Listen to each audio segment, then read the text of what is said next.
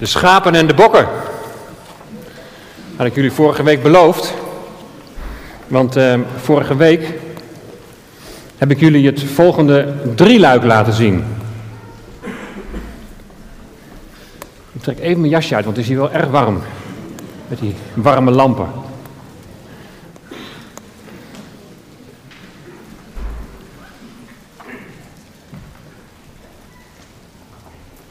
Kun je hem even aan het begin zetten? Uh, ja? Oké, bedankt.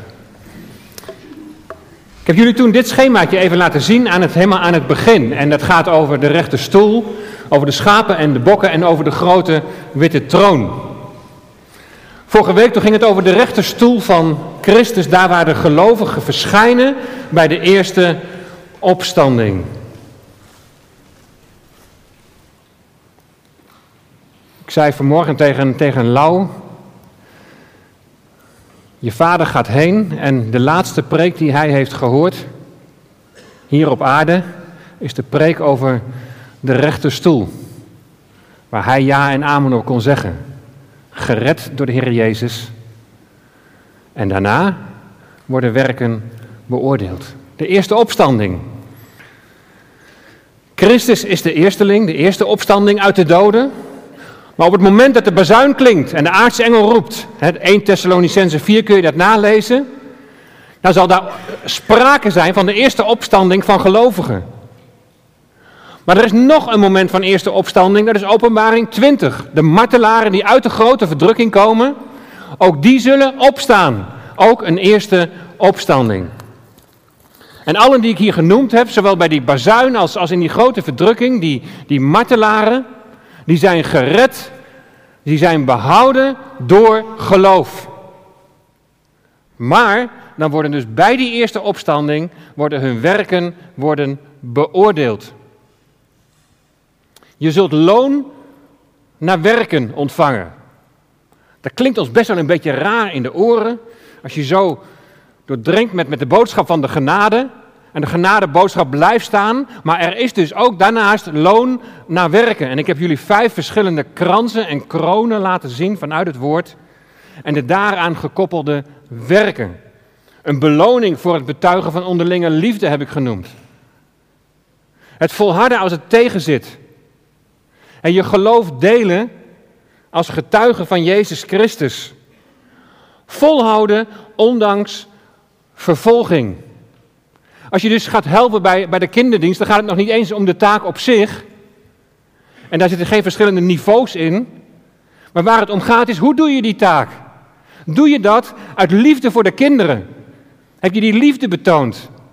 Dat is het werk wat wordt beoordeeld. En als het eens een keer tegen zit, als je tegenslag hebt en je denkt, nou voor mij hoeft het niet meer, maar je houdt vol. En je zegt, maar ik wil dat evangelie verkondigen aan de kinderen, nou enzovoorts, enzovoorts. Dat zijn de werken die worden beoordeeld. En de laatste tekst die ik vorige week heb gelezen, en uh, ja, vanmorgen is het al uh, gelezen door Simon, 1 Korinthe 3. Daar staat namelijk in vers 13 en 14, daar staat, ieders werk zal openbaar worden. Zie je, werk. En de dag zal het namelijk duidelijk maken, omdat die in vuur verschijnt. En hoe ieders werk is, zal het vuur beproeven. Als iemands werk dat hij op het fundament gebouwd heeft standhoudt, dan zal hij loon ontvangen. Zie je wel? Loon naar werken. Als het werk standhoudt, zul je loon ontvangen. Nou, vorige keer zei ik al even iets over de samenwerking binnen het onderwijsteam. Ik heb toen Hanno even aangehaald, maar vorige week toen kwam iemand anders uit het uh, onderwijsteam, Hans Battering, die kwam naar mij toe. En die zei van, als je nou ook vers 15 had gelezen, dan was het misschien nog meer duidelijk geworden dat het bij die beoordeling van die werken niet gaat om je eeuwig behoud. Alsnog vanmorgen, vers 15, hij heeft helemaal gelijk. Als iemands werk verbrandt, zal hij schade lijden. Hij zelf echter zal behouden worden, maar wel zo als door vuur heen. Dus de beoordeling van de werken staan de behoudenis niet in de weg, maar wel de manier waarop je behouden zult worden. Nou, vandaag gaan we het hebben over de scheiding van de schapen en de bokken in Matthäus 25. En zoals ik vorige week al zei, gaat het over de volken, dus bij de wederkomst van de Heer Jezus. Ook zij worden beoordeeld op hun werken. Aan de rechterhand de schapen. Of willen jullie liever dat ik zo ga staan? Aan de rechterhand. Aan de rechterhand de schapen, aan de linkerhand de bokken. Maar een hele ernstige boodschap, een, een boodschap van scheiding. De schapen, de rechtvaardigen die behouden zullen worden. En de bokken, de onrechtvaardigen, naar het eeuwige vuur. Ik zat eh, gisteren de hele dag weer in de schoolbank van 9 tot 5. En het ging over Genesis 1, 2 en 3. Over de schepping, over de zondeval, over het oorsprong van het kwaad, oorsprong van de duivel. En de conclusie aan het einde van de dag was van hoe meer je weet, hoe voorzichtiger je wordt. En eigenlijk geldt het ook voor de boodschap van de eindtijd en van de wederkomst. Hoe meer je weet, hoe voorzichtiger je wordt om heel absoluut te zijn. En dan kun je de vraag stellen van maar, maar waarom, waarom behandel je het dan? Nou, daar heb ik wel een aantal redenen voor. Ik kan me nog herinneren, jaren geleden, dat een voorganger bevestigd werd en, in die dienst, daar sprak Orlando Botteblij. Die is trouwens nu in Amsterdam met een hele serie over de eindtijd ook bezig. En die zei van, tegen die voorganger die daar ingezegend werd, behandel het hele woord van God. En niet alleen maar je eigen stokpaardjes of dat wat je zelf mooi vindt, maar behandel het hele woord van God. Dus ook dit hoort daarbij, het profetische woord van God. Dat is een reden, maar een andere reden is ook, het staat in het woord van God. Een andere reden is, en dat is ook wel een reden die ik al heel belangrijk vind, is dat mensen moeten leren onderscheiden in de Bijbel van wanneer gaat het nu over mij en wanneer gaat het niet over mij. Want ik merk dat er bij mensen heel veel onzekerheid kan ontstaan naar aanleiding van Bijbelteksten, waar, waar als je die goed leest, eigenlijk helemaal niet op jouw betrekking heeft op dat moment. En dan kan je een stuk onzekerheid geven, geen, geen, geen vastigheid in het, in het geloof, met alle gevolgen van dien. En waarom ik ook denk dat het belangrijk is om te behandelen met elkaar is dat als ik naar de wereld om me heen kijk, dat ik me niet aan de indruk kan onttrekken dat Jezus spoedig zal komen. En ik denk dat het daarom belangrijk is om ons daarop voor te bereiden en ook met dat onderwerp bezig te zijn. We gaan lezen Matthäus 25, vers 31 tot en met 46. Matthäus 25, vers 31 tot en met 46. De schapen en de bokken.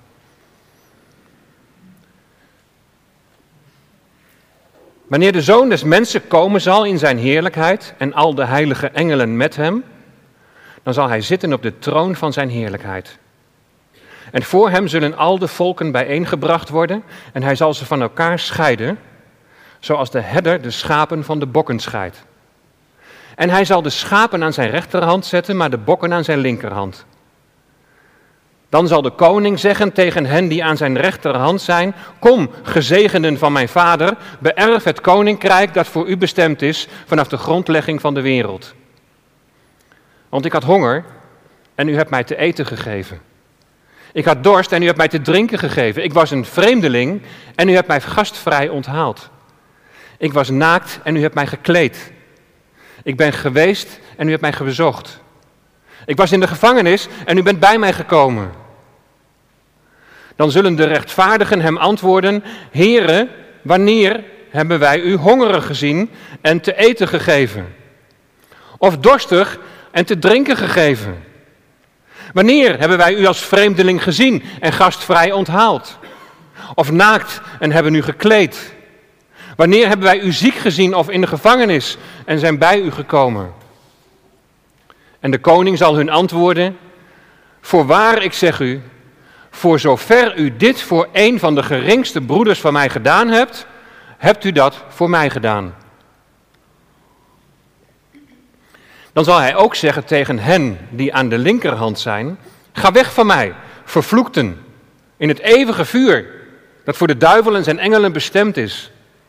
Want ik ben hongerig geweest en u hebt mij niet te eten gegeven. Ik ben dorstig geweest en u hebt mij niet te drinken gegeven. Ik was een vreemdeling en u hebt mij niet gastvrij onthaald. Naakt en u hebt mij niet gekleed. ziek en in de gevangenis, en u hebt mij niet bezocht.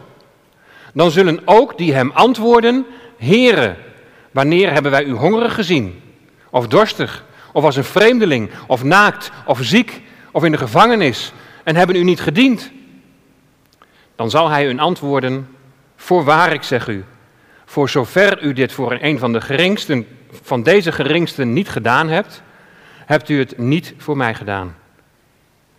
En deze zullen gaan in de eeuwige straf, maar de rechtvaardigen in het eeuwige leven. Tot zover uit het woord van God. En ik heb de vorige keer al gezegd, dit is nog helemaal niet zo'n heel gemakkelijk Bijbelgedeelte.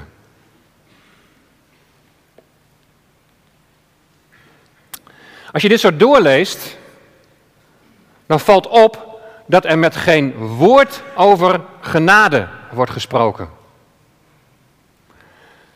Geen woord over geloof in relatie tot eeuwig behoud. Er wordt door Jezus niets gezegd over zijn offer en zijn opstanding tot vergeving van zijn zonde. Dat is op zich natuurlijk ook niet zo vreemd, want als Jezus deze woorden spreekt, dan is er nog helemaal geen sprake van Golgotha, laat staan dat er sprake is van opstanding. Maar had Jezus dan niet alvast daar naartoe kunnen verwijzen? Hij doet het niet. Wat Jezus hier doet, is dat hij hamert op de werken.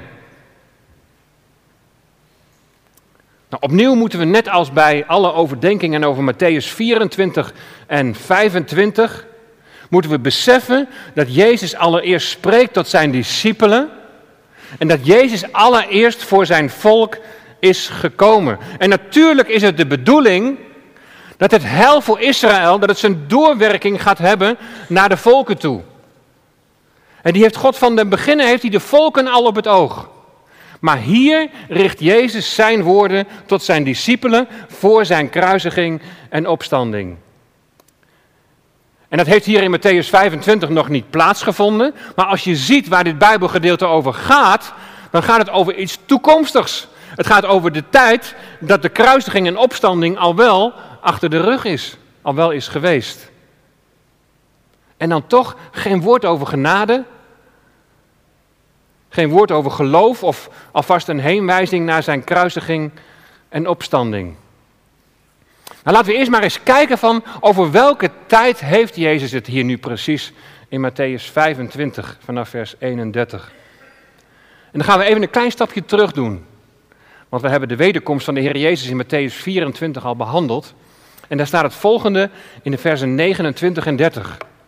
En meteen na de verdrukking van die dagen, een verdrukking die nog in de toekomst ligt, dan zal de zon verduisterd worden en de maan zijn schijnsel niet geven. En de sterren zullen van de hemel vallen en de krachten van de hemelen zullen heftig bewogen worden. En dan zal aan de hemel zal het teken van de zoon des mensen verschijnen. En dan zullen al de stammen van de aarde zullen rouw bedrijven en ze zullen de zoon des mensen zien als hij op de wolken van de hemel komt met kracht en heerlijkheid. Met grote kracht en heerlijkheid. Dus eerst nog die grote verdrukking die nog in de toekomst ligt. En ik geloof dat dat een periode van, van zeven jaar zal zijn. Een periode dus die nog komt. En dan meteen daarna de zoon des mensen die komt op de wolken met grote kracht en heerlijkheid.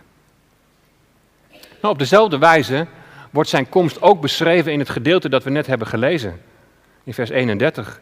Wanneer de zoon des mensen komen zal in zijn heerlijkheid en al de heilige engelen met hem, dan zal hij zitten op de troon van zijn heerlijkheid. Dit is dus dat moment direct na de grote verdrukking, het moment dat de parousia zal aanbreken. Kun je het nog herinneren van een paar weken geleden? Hebben we even stilgestaan bij het woordje parousia. Parousia betekent komen. En dat spreekt van een beweging. Jezus komt, parousia. Maar het heeft ook Hetzelfde woord heeft ook een, een, statische betekenis, namelijk de aanwezigheid van de koning in zijn koninklijke waardigheid. Het gaat over de Heer Jezus, die naar deze aarde komt en zal zitten op de troon van zijn heerlijkheid. Hij zal regeren. Hij komt. Hij zal in zijn koninklijke waardigheid hier op aarde, Matthäus 25, vers 31, het gaat over hier op aarde, daar zal Jezus zijn troon vestigen. Dus we hebben vastgesteld wanneer dit zal gebeuren, waarvan we hebben gelezen hier in Matthäus 25 vanaf vers 31. En dan staat er in vers 32 dat al de volken voor hem bijeengebracht zullen worden. Nou, we hebben net gelezen in hoofdstuk 24 over alle stammen van de aarde. Al de volken, al de stammen van de aarde, die zullen bijeengebracht worden. Het zijn dus volken, het zijn alle stammen van de aarde die uit de grote verdrukking komen en dan voor Jezus komen die zit op de troon. Nou is er aan dat moment wel het een en ander vooraf gegaan. De Bijbelse profetie laat ons zien dat er in die tijd van verdrukking, vlak voor de komst van de Messias, dat er een enorme strijd zal zijn om Jeruzalem.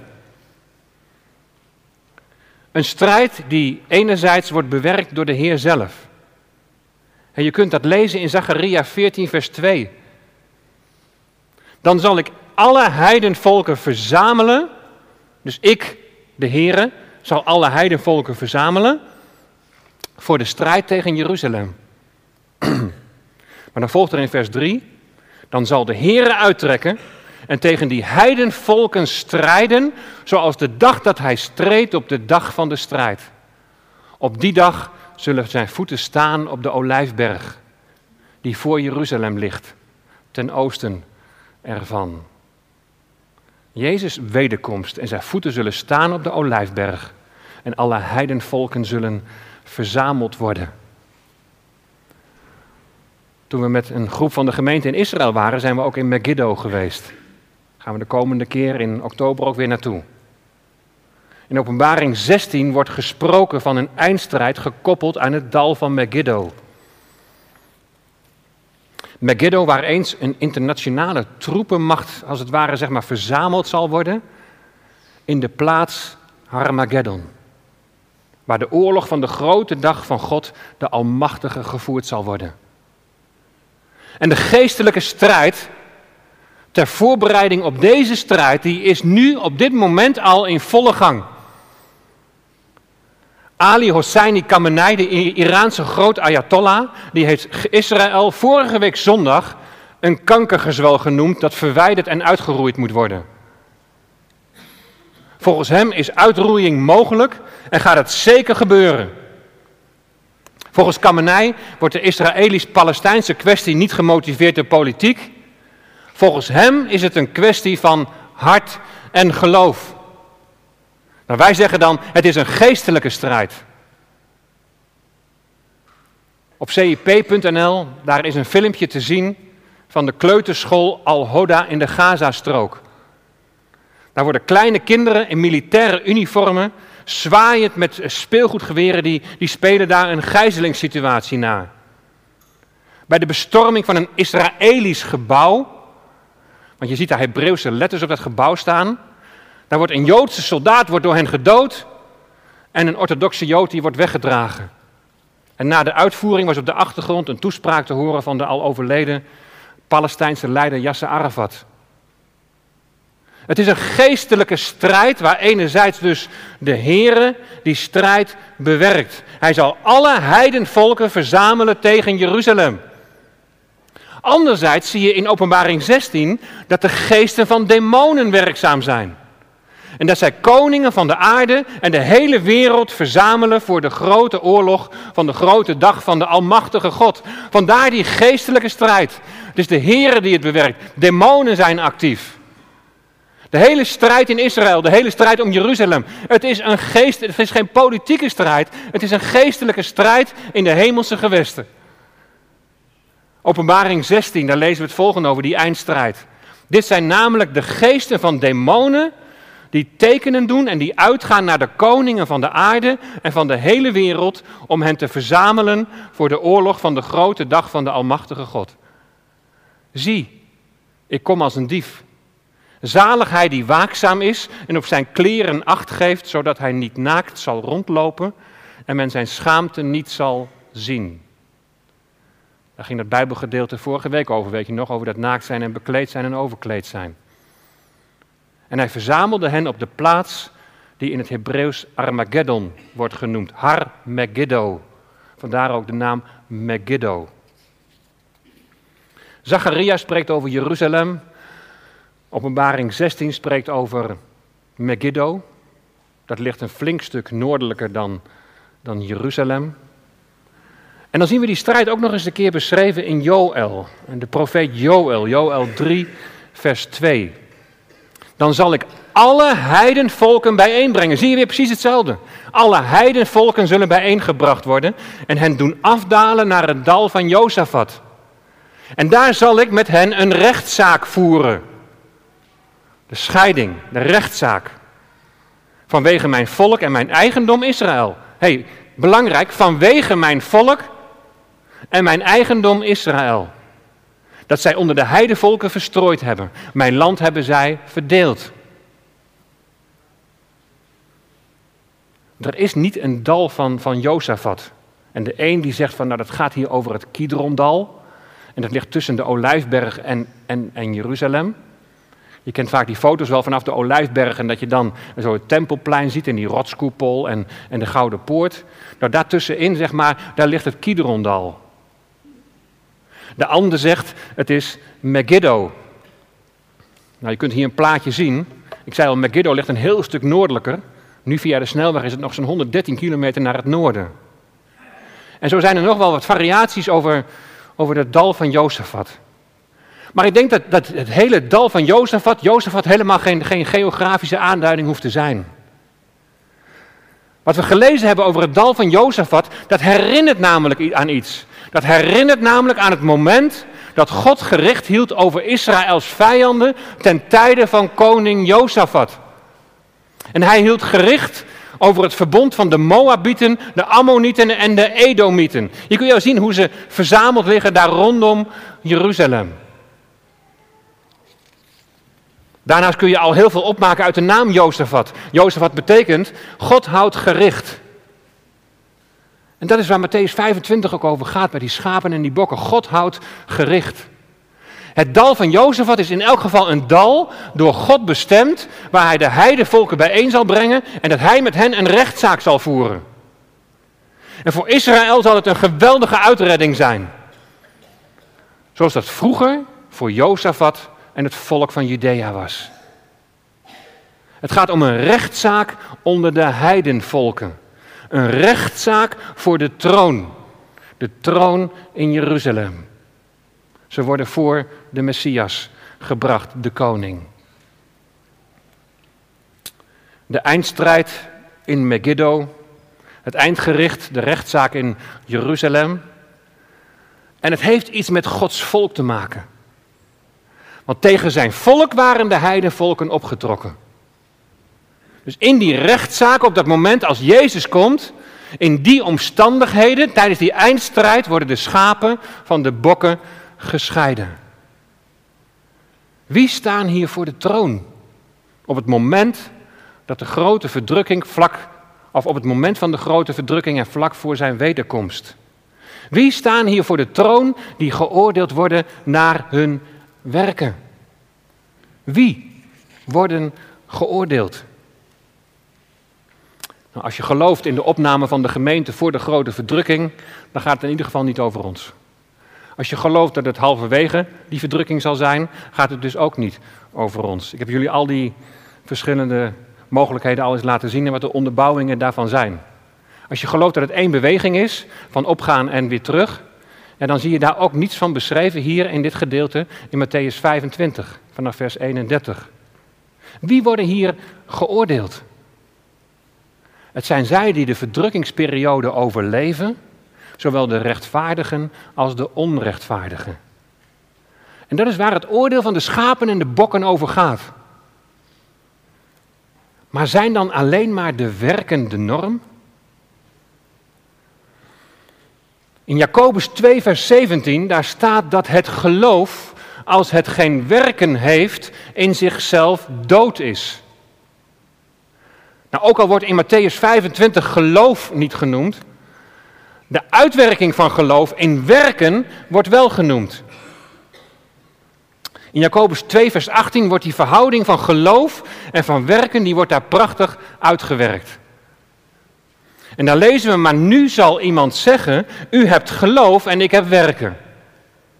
Laat mij dan uw geloof zien uit uw werken en ik zal u uit mijn werken mijn geloof laten zien. Je geloof laten zien uit je werken. Je gelooft in de Heer Jezus Christus. Je geloof in Hem. Dat werkt uit dat je goede werken gaat doen. Dat kan niet anders. Als iemand honger heeft, dan geef je hem te eten. Als iemand dorst heeft, dan geef je hem te drinken. Een vreemdeling onthaal je gastvrij. Je kleedt iemand die naakt is. Zieken en gevangenen die bezoek je. Zoals Jacobus zegt, uit je werken laat jij je geloof zien. Maar nu gaat het hier over de heidenvolken en heel specifiek over werken die zij gedaan hebben aan de minste van Jezus' broeders.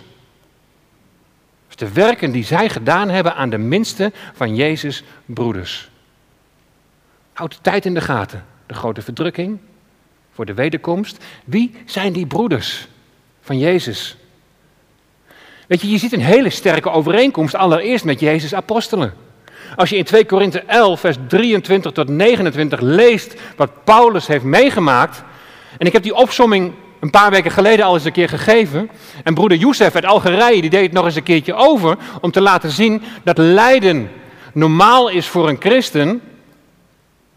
Dan lees je in 2 Korinthe 11, vers 23 over Paulus. Dan gaat het over honger en dorst. Over naaktheid, over verwondingen, over uitputting, over gevangenschap. Het is het standaardpakket van een apostel. Maar het gaat hier natuurlijk over een andere periode. Staan Jezus' apostelen, zijn, zijn volgelingen niet beeld voor het volk Israël? Hoe gaan de heidenvolken om met het Joodse volk ten tijde van die verdrukking? De profeet Joël, we hebben een paar versen daarvan gelezen in hoofdstuk 2. En dan lazen we daar in het dal van Jozefat, zal ik met hen een rechtszaak voeren vanwege mijn volk en mijn eigendom Israël. En verder lees je daar, ze hebben mijn land verdeeld. Wat hebben ze gedaan aan de minste van mijn broeders? Nou, alles zo bij elkaar leggend, denk ik dat het over de houding ten opzichte van het Joodse volk ten tijde van die verdrukking gaat. Het oordeel van de schapen en de bokken, dat kun je dan terugvoeren op Gods verklaring in Genesis 12, vers 3. Ik zal zegenen wie u zegenen, en wie u vervloekt, zal ik vervloeken. En in u zullen alle geslachten van de aardbodem gezegend worden. Dit is door God nooit herroepen. Het is nooit door hem teruggetrokken. Dat betekent niet dat je alle politieke besluiten en of militaire acties van Israël per definitie goed moet keuren. En op dit moment zijn degenen die Yahweh erkennen als God in Israël, die zijn in de minderheid. En degenen die Jezus accepteren als Messias, die zijn in nog een veel grotere minderheid. Maar we zegenen hen omdat het Gods volk is. Omdat God heeft besloten hen lief te hebben. Zijn er in de verdrukking rechtvaardigen die barmhartigheid hebben getoond aan de minste van Jezus' broeders? Is uit hun werken geloof gebleken? Zou het hier dan alleen gaan om werken? Nou, je kunt geloof niet loszien van werken en werken niet loszien van geloof. Er komen nog mensen tot geloof in die verdrukking, dat weten we ook. In openbaring 20 worden ze immers die martelaren genoemd. Geloof wordt hier in Matthäus 25 niet concreet benoemd. En het is voor ons lastig te begrijpen dat ze hier door werken bij de rechtvaardigen horen.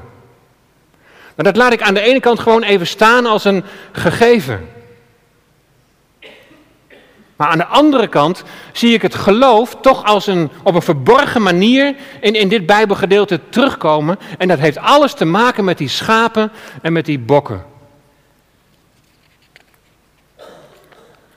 Graag wil ik jullie de volgende gedachte meegeven. Schapen en bokken. Eerst maar even die tweede groep. De bokken, dat zijn de dieren voor het zondoffer. Op de grote verzoendag nam de hoge priester twee bokken. Van de een werd het bloed gesprenkeld op het verzoendeksel van de ark, om zo vergeving te ontvangen voor zichzelf en de zonde van de mensen. Maar dit offer dat moest ieder jaar weer worden gebracht. Het was nooit genoeg. Het was nooit voldoende. De andere bok, dat is de zondebok. Op de dag van de verzoening legde de hoge priester zijn handen op de kop van het dier en hij beleed de zonde van het hele volk en daarna werd de zondebok die werd de woestijn ingestuurd. Als je Jezus Christus niet aanneemt als je redder en verlosser, dan is het nooit voldoende om vergeving van zonde te ontvangen. Als je Jezus niet aanneemt als je redder en verlosser, dan worden jouw zonden op jou gelegd, zoals bij de zondebok. En dan word je als het ware in de woestijn gestuurd. Je gaat verloren. Vers 46. En deze zullen gaan in de eeuwige straf. En ik wil vanmorgen weer opnieuw een appel doen. Als je nog niet kunt zeggen, ik ben een kind van God. Als je nog niet kunt zeggen, ik ben gered door het bloed van de Heer Jezus. Er is alleen redding mogelijk door Hem. Laat deze dag dan niet voorbij gaan om je knieën te buigen voor Jezus. We hebben gezien in de situatie van de vader van Lau. Hij stond vorige week hier nog bij de koffietafel. En nu zien we hoe kwetsbaar het, die aarde kruik is. Het aardse lichaam is. Het kan zomaar van de ene op de andere dag afgelopen zijn. Stel niet uit wat je vandaag kunt doen. Dan de andere groep, de schapen. De mannelijke schapen, de rammen, dat zijn de dieren voor het brandoffer. Abraham die moest zijn zoon Isaac offeren tot een brandoffer. Maar God voorzag ter plekke in een plaatsvervangend offerram, die door Abraham ten brandoffer werd geofferd. En zo is de Heer Jezus ons plaatsvervangende offerlam. Jouw zonden niet op jou gelegd, maar jouw zonden op Hem gelegd. Vers 46, de rechtvaardigen gaan in het eeuwige leven. En zo zie je in de schapen en de bokken toch iets van het onderscheid van geloof en ongeloof. Hoewel de schapen en mokken, mijn, bokken mijn inziens dus niet over, over ons gaat, en het betrekking heeft op een periode dat wij al beoordeeld zijn voor de rechterstoel van Christus, zit toch ook in dit Bijbelgedeelte voor ons een hele belangrijke les. En dat is de volgende. Weet je, de, rijkdom van de Reformatie die ligt in de ontdekking van rechtvaardiging door geloof. Maar dat kan ook doorslaan in het minder ware toekennen aan de werken. Er zijn van die dingen die je niet los kunt zien van elkaar.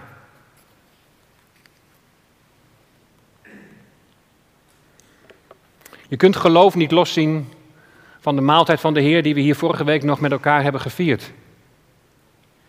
Je kunt geloof niet loszien van de doop, die we over twee weken weer mogen bedienen. Je kunt geloof ook niet loszien van de werken.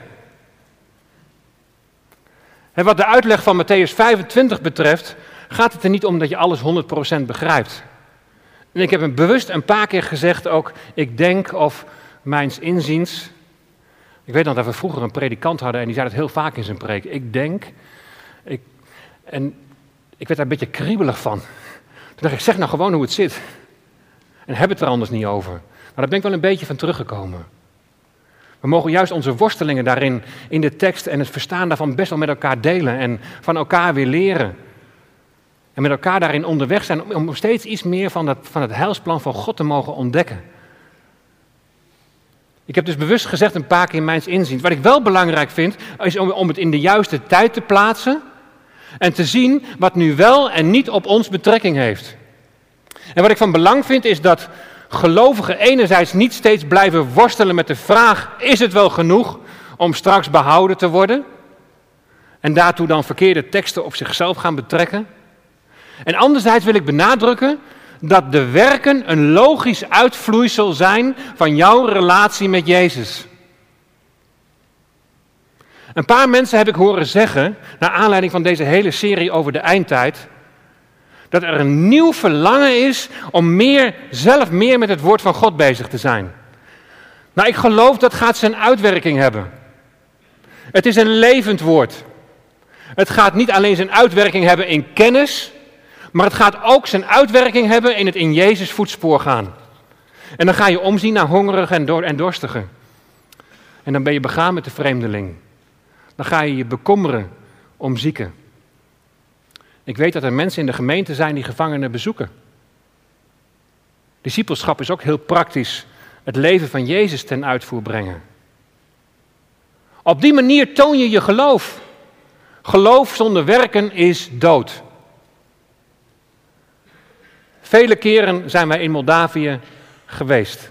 Nou, er is vanmorgen iemand uit Moldavië en hij vroeg vanmorgen om een Russische Bijbel, maar je krijgt hem volgende week. Wat zei je? Heeft hij hem al? Nou, helemaal geweldig. Is goed geregeld. We zijn vele malen in Moldavië geweest. En we bezochten daar een vrouwengevangenis. En we namen brood mee. Een geestelijk brood, geestelijk voedsel. Je ging naar gezinnen en je bracht hun kleding. We zijn aan ziekbedden geweest, zowel bij mensen thuis als in het ziekenhuis, als in het bejaardentehuis. Je ging daarheen om te bemoedigen en te helpen waar mogelijk. En, en weet je, in Nederland, daar staat het, bestaat het gevaar dat je denkt van, nou, daar zijn bij ons allemaal voorzieningen voor. Je hoeft inderdaad geen brood te brengen naar de gevangenis. Je hoeft mensen niet van eten te voorzien in een bejaardentehuis. Hier krijgen ze niet elke dag alleen maar een stukje waterige bonensoep met een klein stukje brood. Wij hebben prachtige ziekenhuizen waar je zelf niet voor het beddengoed hoeft te zorgen en waar familie het eten moet komen brengen.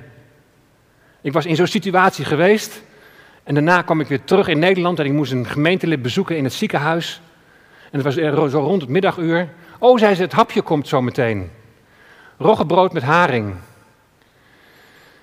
Het waren in één keer twee helemaal totaal verschillende, verschillende werelden. Maar dat betekent niet dat er hier geen nood is. We betekenen, we kunnen iets betekenen naar landen als Moldavië. En we kunnen iets betekenen in landen als Oekraïne, wat we vanmorgen van hebben gehoord. We kunnen compassion kinderen steunen financieel, zodat zij een beter leven zullen hebben. We kunnen iets betekenen voor geloofsgenoten in vervolging. Maar zorg is niet alleen veraf. We kunnen iets betekenen voor de vluchtelingen in ons land. Het is heel mooi hoe, hoe mensen vanuit de gemeente daar ook bij betrokken zijn. Een grote nood in deze tijd is volgens mij eenzaamheid. Hoe geven we het omzien naar elkaar in de kringen gestalte? Maar daar slagen we nog niet eens altijd in. En er vallen wel eens mensen tussen wal en schip. En hoe proberen we iets te betekenen voor mensen buiten die kring? Hoe proberen we iets te betekenen voor mensen in onze directe omgeving, in onze wijk?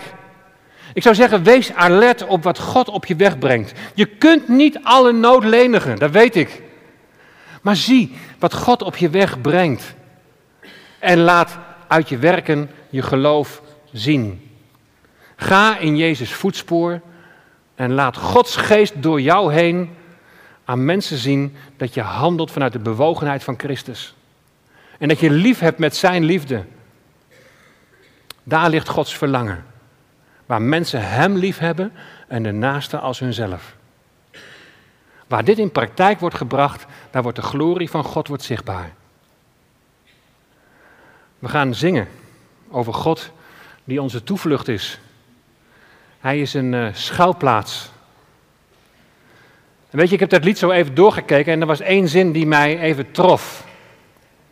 Er was één zin en daar staat: U stuurt engelen om mij steeds te beschermen en zij waken dag en nacht over mij. U stuurt engelen om mij steeds te beschermen en zij waken dag en nacht over mij. Volgens de Bijbel zijn er bepaalde werken waarbij je zomaar engelen zou kunnen ontmoeten. Dat voorbeeld is gastvrijheid. Lees maar mee in Hebreeën 13, vers 1 en 2. Laat de broederlijke liefde blijven. Vergeet de gastvrijheid niet. Want hierdoor hebben sommigen het te weten engelen onderdak geboden. Het doet denken aan Abraham en Lot. Die door gastvrijheid te betonen, engelen, ja zelfs de heren onderdak hebben geboden. Wat je aan de minste van mijn broeders hebt gedaan, dat heb je aan mij gedaan, zei Jezus. In die gastvrijheid, in wat je doet voor die ander, is Jezus aanwezig. We lezen nog tot slot een paar versen door. Want we zien zo de overeenkomst met de boodschap van deze morgen. Over de werken. Denk aan de gevangenen, alsof u zelf ook gevangen bent. En denk aan hen die slecht behandeld worden, alsof u ook zelf lichamelijk slecht behandeld wordt. Laat het huwelijk bij u allen in ere zijn en het huwelijksbed onbevlekt. Want ontuchtplegers en overspelers zal God oordelen. Laat uw handelswijze zonder geldzucht zijn. Wees tevreden met wat u hebt. Want hij heeft zelf gezegd: Ik zal u beslist niet loslaten. En ik zal u beslist niet verlaten. Daarom zeggen wij met goede moed: De Heere is voor mij een helper. En ik zal niet vrezen. Wat zal een mens mij doen? Hij is onze helper. En hij is onze schuilplaats. Engelen die helpen. Engelen die jij onderdak biedt. Zie, zie, zie je de wederkerigheid? Prachtig is dat. Ga in Jezus voetspoor en toon je geloof door je werken. Nee, ik geloof niet dat wij straks beoordeeld worden als schaap of als bok. We zijn in Christus gered, gerechtvaardigd door geloof. In Christus een nieuwe schepping. Maar laten we wel laten zien dat we een nieuwe schepping in Hem zijn. Laten we laten zien dat we bij die rechtvaardigen, bij die schapen horen. Omdat we het verlangen hebben om iets van Jezus te laten zien. Naar mensen om ons heen. Wees alert op wat God op je weg brengt. En dat je daarin mag dienen. En dat je daarin gewoon trouw mag zijn. Dat betekent afgestemd zijn op Hem. Heren, wat zijn, wat zijn de werken die u voor mij hebt voorbereid? En dan hoeven we niet in hele grootse bedieningen te denken. Maar in het hele eenvoudige. In het omzien naar elkaar. Als iemand rouwt, even een arm om degene heen. Als iemand verdriet heeft, bemoedigen. Als iemand vluchteling is, hem welkom heten. Ga in Jezus voetspoor en toon door je geloof je werken en laat uit je werken je geloof zien. Ik wil zijn in de schuilplaats van de Allerhoogste. Want we kunnen deze dingen niet van onszelf. Maar we hebben God daarbij nodig. We hebben de Heilige Geest nodig die ons daarin leidt. Ik wil zijn in de schuilplaats van de Allerhoogste. Want wie in de schuilplaats van de Allerhoogste is gezeten, die zal overschaduwen in de schaduw van de Almachtige. Ik zeg tegen de Heere, mijn toevlucht en mijn burcht, mijn God op wie ik vertrouw.